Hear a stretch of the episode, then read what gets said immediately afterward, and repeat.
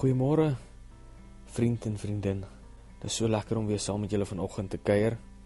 Vanoggend is ons 5de oggend wat ons oor die vrug van die Gees saam kuier. En vanoggend gesels ons spesifiek oor getrouheid. Ek dink een van die mooiste voorbeelde waaraan ek dadelik dink wanneer ek dink aan getrouheid as vrug van die Gees is 'n beeld wat in my gemoed vasgesteek het terwyl ek Passion of the Christ gekyk het. Wanneer ons dink aan getrouheid, dink ons aan getrouheid in die huwelik en getrouheid aan my werk. Ek dink ons as mens verstaan die begrip van getrouheid. Die beeld in die fliek is 'n splitsekonde lank. Dit is waar Jesus reeds op die plek is waar die soldate hom sou gaan kruisig. Sy kruis lê so paar tree voor hom. Maar totaal uitgeput, kruip Jesus self vorentoe en gaan lê homself op daardie stuk hout neer. Hy het gekies om sy lewe neer te lê op die kruis. Maar wanneer ek aan daardie beeld van Jesus dink, dan besef ek getrouheid kom met 'n prys. Johannes 10 vers 18 praat Jesus en hy sê: "Niemand ontneem my my lewe nie, maar ek offer dit uit my eie op." Die New Living Translation sê: "No one can take my life from me. I sacrifice it voluntarily. En dan kyk ons na the Passion Translation wat sê I surrender my own life and no one has the power to take my life from me. I have the authority to lay it down and the power to take it back. This is the destiny my Father has set before me.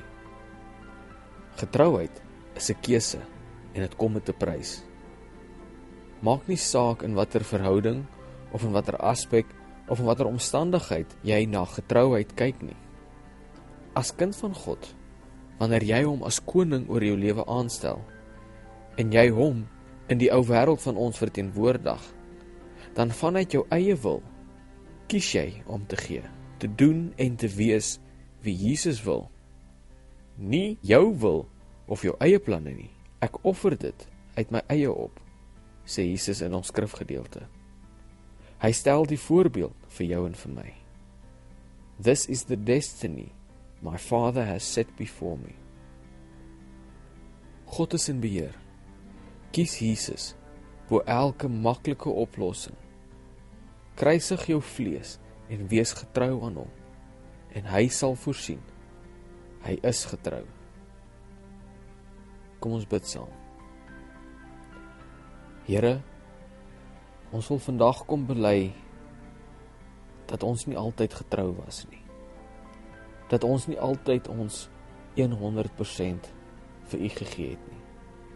Here, ons wil kom bely dat ons soms uit ons eie uit ons eie planne gemaak het liewer en en so besig geraak het met met ons eie dinge liewer dat ons van U af weg beweeg het. Maar Here, vandag wil ons opnuut kom sê wil ons opnuut ons lewens voor U kom neerlê. Here, ons wil getuig en ons wil bely dat U ons koning is. Here, dankie dat U getrou bly al is ons soms ontrou. Amen.